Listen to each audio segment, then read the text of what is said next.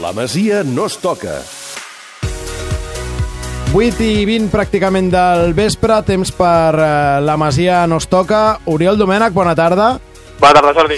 Avui hem de parlar de dos partits dels equips inferiors de, del Barça, començant pel derbi juvenil, que es jugarà aquest diumenge al eh, camp de, de l'Espanyol, un, uh, un derbi que en cas de guanyar el Barça, que té 9 punts d'avantatge sobre l'equip blanc i blau, pràcticament sentenciaria aquesta lliga o aquest grup de la divisió d'honor.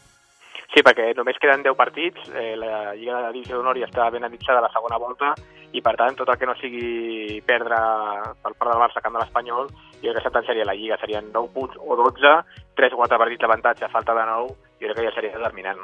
Això és el que deia ahir l'entrenador del Barça juvenil, Gabri. Pels jugadors, pels entrenadors, crec que els que hem estat aquí temps, pues, sabem que és un partit que hi ha alguna més. No? En el nostre cas, sobretot, a part del partit, de lo que representaria eh, poder ampliar la distància del rival que és, a part de tot això, pues, hi ha a sobre aquest ingredient de dir, els últims anys no hem aconseguit guanyar allà, és un, és un camp que ens ha costat molt, i bueno, pues, és un al·licient més.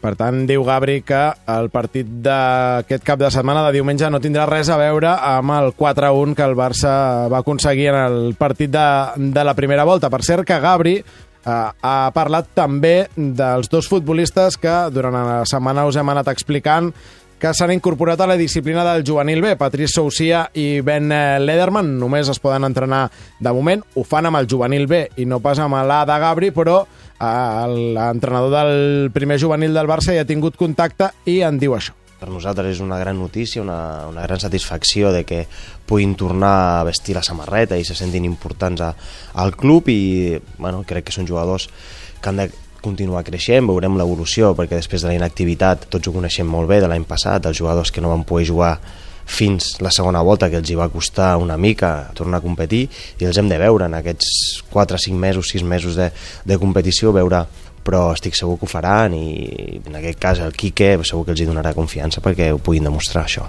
Diumenge Espanyol eh, juvenil contra Barça juvenil a la ciutat esportiva de Nijarque. Demà al mini estadi, pujant una mica de categoria, Barça al Cullà Oriol amb el lideratge del grup 3 a segona B en joc.